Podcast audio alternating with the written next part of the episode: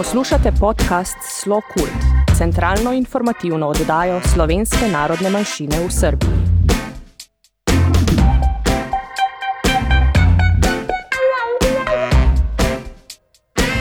Spoštovane poslušalke, spoštovani poslušalci, dobrodošli v še eni oddaji Slo Kult informativnem podkastu, namenjenem pripadnikom slovenske skupnosti v Srbiji, slovencem po svetu in v domovini, ter vsem, ki jih zanimata slovenska kultura in sodobna ustvarjalnost slovenske skupnosti v Srbiji.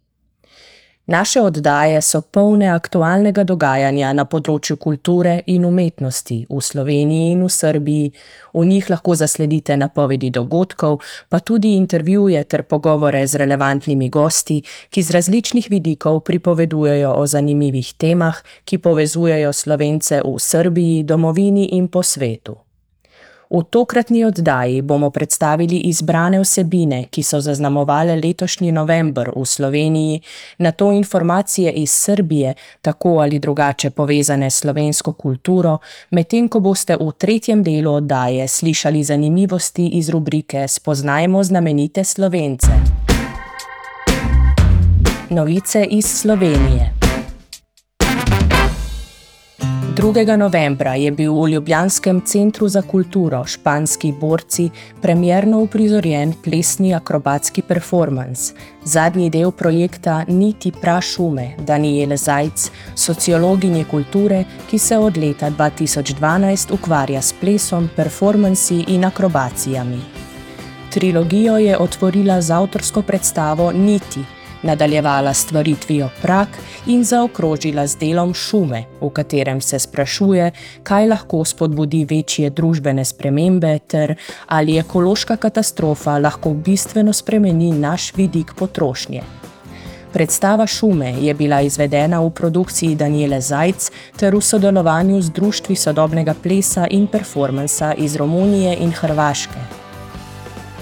11. in 12. novembra je v Ljubljanskem plesnem teatru potekala še ena zanimiva manifestacija, med drugim posvečena ekološkim problemom.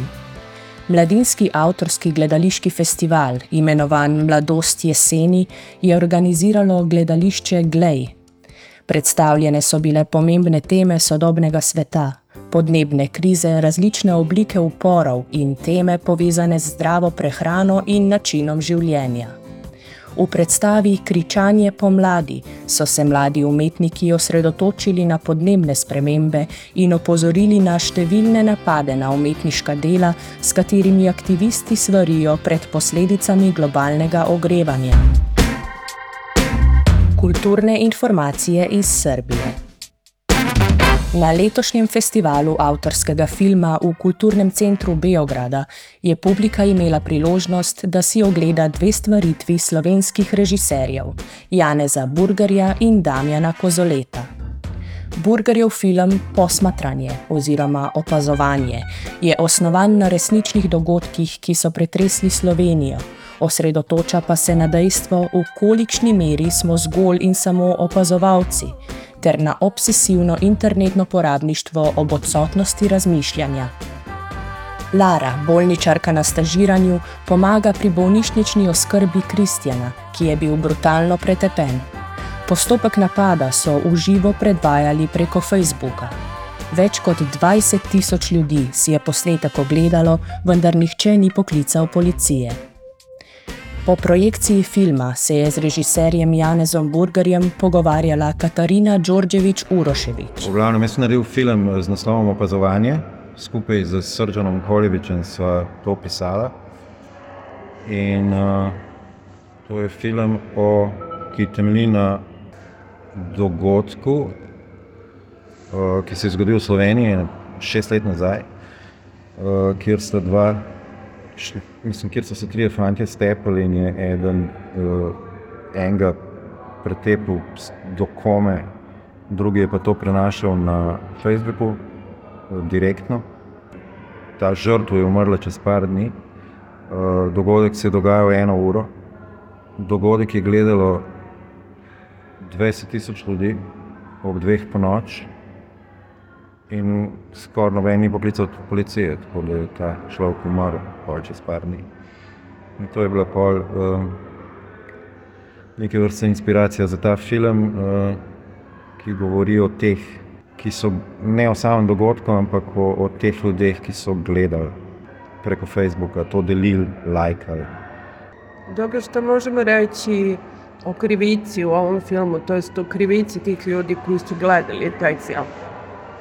Pa film ni narejen zaradi tega, da bi ugotavljali krivico, ne? ker kri, krivdo ugotavljajo sodišča. Uh, zdaj, glede na to, da nimamo zakonov za, to, uh, za take vrste zločinov, uh, jih verjetno niti ne morejo persekutirati teh ljudi, ki so to gledali, pa niso nobenega poklicali, da bi pomagal, niti ne policije. Lahko pa govorimo o nekih, mislim, film je bil narejen zato, da, da začnemo o tem govoriti, se pravi, da se ta tema odpre, da se začnemo o teh temah pogovarjati, ker to ni samo slovenska tema, ampak je globalna tema, te stvari se dogajajo. Zločini, ki se prenašajo po Facebooku in drugih družbenih omrežjih, se dogajajo v bistvu na tem planetu vsakodnevno. In očitno se premalo pogovarjamo, da bi to prišlo do tega, da bi to začeli zakonsko urejati. Ne? Se pravi, da bi uh, država kot taka, ki določa, kaj je družbeno sprejemljivo, kaj ni, ne? jasno povedala, kaj je v takem primeru treba narediti. Verjetno, če bi to jasno bilo povedano in zapisano in objavljeno v uradnem listu, bi se teh stvari dogajalo manj. Ne, da se ne bi dogajale, ne, ker tudi za umor dobiš kazen, ne, pa umorov ni zmanjkalo, ampak je pa sigurno manj. Prisluhnili smo odlomku pogovora z režiserjem Burgerjem. Poleg njegovega pa si je na nedavno zaključenem festivalu avtorskega filma publika lahko ogledala tudi film Pero slovenca Damjana Kozoleta. Za to stvaritev je režiser prejel posebno priznanje Hrabri Balkan. V skoraj vseh kozoletovih filmih igra Peter Mosevski, eden najbolj cenjenih slovenskih igralcev, ki je mnoga leta trpel za depresijo in alkoholizmom, o čemer je večkrat jasno in pogumno spregovoril. Mosevski se je ob začetku pandemije koronavirusa zatekel v smrt na otoku Krk, vendar Kozole, ki je že prej spodbudil projekt o življenju in delu tega umetnika, kljub šoku ob novo nastali situaciji ni odnehal in je nadaljeval začetim poklonom svojemu prijatelju, igralcu, umetniku. Prisluhnimo, kaj je po predvajanju Peresa, režiser filma, povedal naši novinarki. U, toku procesa se, su se stvari kristalizirale, ali je već u samom početku bila ideja, čak i onom izvornom scenariju koji se imao sa Perom, da ne želim da se taj film ograničava unutar jednog žanra ili jedne, samo jedne strategije. Činilo mi se da je i općenito e, područje filma previše rigorozno strukturirano, da a, zašto ograničavati se unutar jednog žanra i kako se desila onda ta tragedija, kako je ovaj taj šok, odlazak pere u početku korone, bio je lockdown, dakle sve je delovalo vrlo kataklizmično, činilo mi se da, mm, da imam pravo da radim film na neki a, intuitivan način koji savjesno u stvari zanemaruje neke, neke e, principe na koje kao autori pristajemo. I čak mi je ovaj, ovaj film je zaista bio rađen sa nekom iskrenom namerom da se e, pozdravim sa mojim velikim prijateljem, velikim glumcem, ali s druge strane dok sam radio taj film i to što ste rekli, to nije samo film o peri, ono, vidio sam da elaboriram i svoj život, a s treće strane na kraju vidim da mi je taj film čak otvorio neka, neka saznanja i neka razmišljanja šta i kako raditi u buduće. Da, da je to film koji mi je kao neka, ko da je pero u stvari još dve, tri godine posle smrti, da mi on daje tu neke, neke, uh, neke impulze kroz taj film. Omenjena filma režiserjev Burgerja in Kozoleta si je publika lahko ogledala tudi na deveti reviji Dnevov slovenskega filma, ki je potekala od 7. do 10. decembra v Jugoslovanski kinoteki in sicer v organizaciji Društva Slovencev Sava iz Beograda, ambasade Republike Slovenije, Jugoslovanske kinoteke, Kinoteke Slovenije in drugih inštitucij. Več o dnevih slovenskega filma si lahko pogledate na družabnih omrežjih Facebook, Instagram, Twitter in seveda na uradni spletni strani Dani Slovenačkog filma. V soboto 11. novembra je v Društvu Sava potekalo praznovanje slovenskega praznika vina, Martinovanje. To srečanje vsako leto zaznamuje vesela atmosfera, v kateri so posebej doprinesli Ivan Debeljak s svojo harmoniko, ženski pevski zbor Pojoča družba in glasbena skupina Društva Sava Istok. November je tudi mesec tradicionalnega slovenskega zajtrka, ki je na vrsti vsak tretji petek v mesecu. V Društvu Slovencev Sava v Beogradu smo ta dan praznovali z najmlajšimi člani, ki so ob tej priložnosti spekli kruh. Kruh predstavlja osnovo tradicionalnega zajtrka, spremljajo pa ga maslo, med, mleko, včasih kos svežega ali sušenega sadja. To je trenutek, ko se zberemo in se ponovno zavemo, kako pomembna je priprava hrane, katere okus je bistveno boljši, kadar jo z nekom delimo. Tudi letos sta bili koordinatorki Desanka Stefanovič in Tanja Baltič. Otroci iz vseh društev slovencev v Srbiji so bili letos povabljeni v ambasado Republike Slovenije v Beogradu, kjer so izdelovali novoletne čestitke. Člani ambasade so jih toplo sprejeli, zato je veliko število otrok iz Novega Sada, Zrenjanina, Beograda in drugih mest uživalo v ustvarjanju, sladkarijah in novoletnih darilih. Lektorat za slovenski jezik Filološke fakultete v Beogradu je v novembru organiziral dve predavanji, ki sta potekali v prostorih Beograjskega društva Sava. 15. novembra je potekalo predavanje dr. Silvije Borovnik, profesorice z Filozofske fakultete Univerze v Mariboru, naslovljeno Književnost sodobnih slovenskih pisateljic v kontekstu večkulturnosti in medkulturnosti. Dva tedna kasneje pa se je 30. novembra beograjski publiki predstavil dr. Aleksandr Bielčevič, profesor z Filozofske fakultete Univerze v Ljubljani in sicer s predavanjem Vpliv pesmi Kraljevič Marko in Musa Kesedžija na Levstikovega Martina Karpana kot parodijo.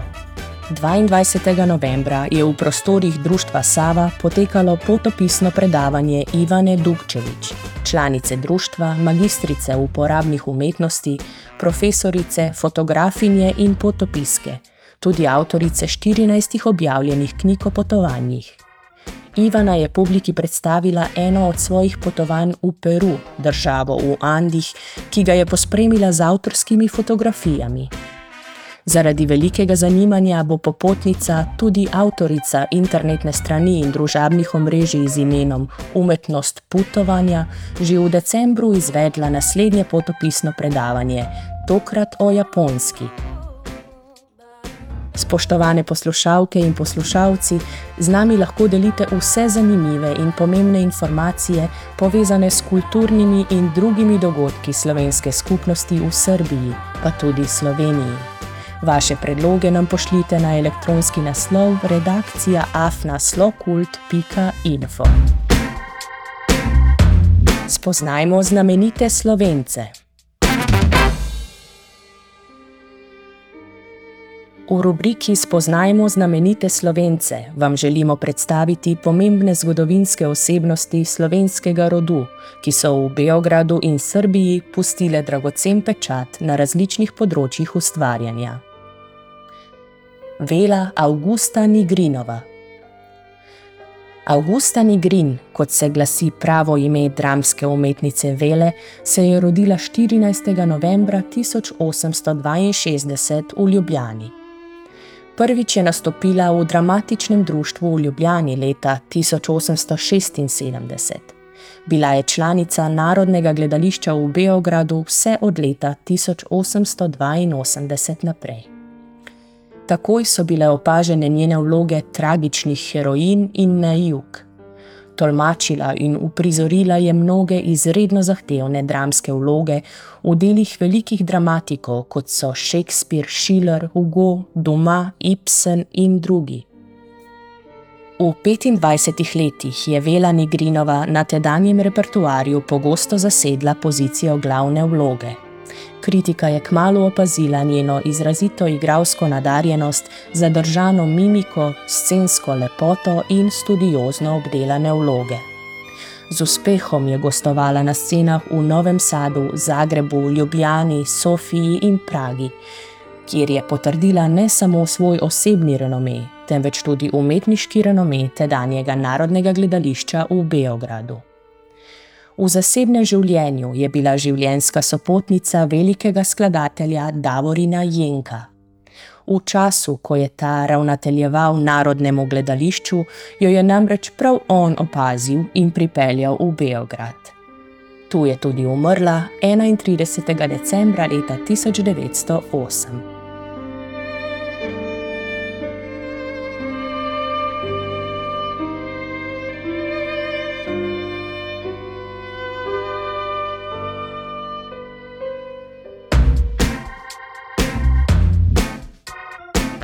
Drage poslušalke, dragi poslušalci, prispeli smo do konca današnje oddaje.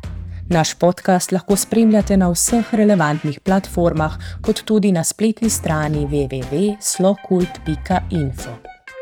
Z vami smo bili pred mikrofonom Tanja Tomazin, za snemalno napravo mojster Dino Dolničar, urednica Ivana Mandič, Irina Maksimovič Šašič. Katarina Đorđević Urošević in Saša Verbič. Kmalo naslišanje, dotedaj pa prisrčno pozdravljeni.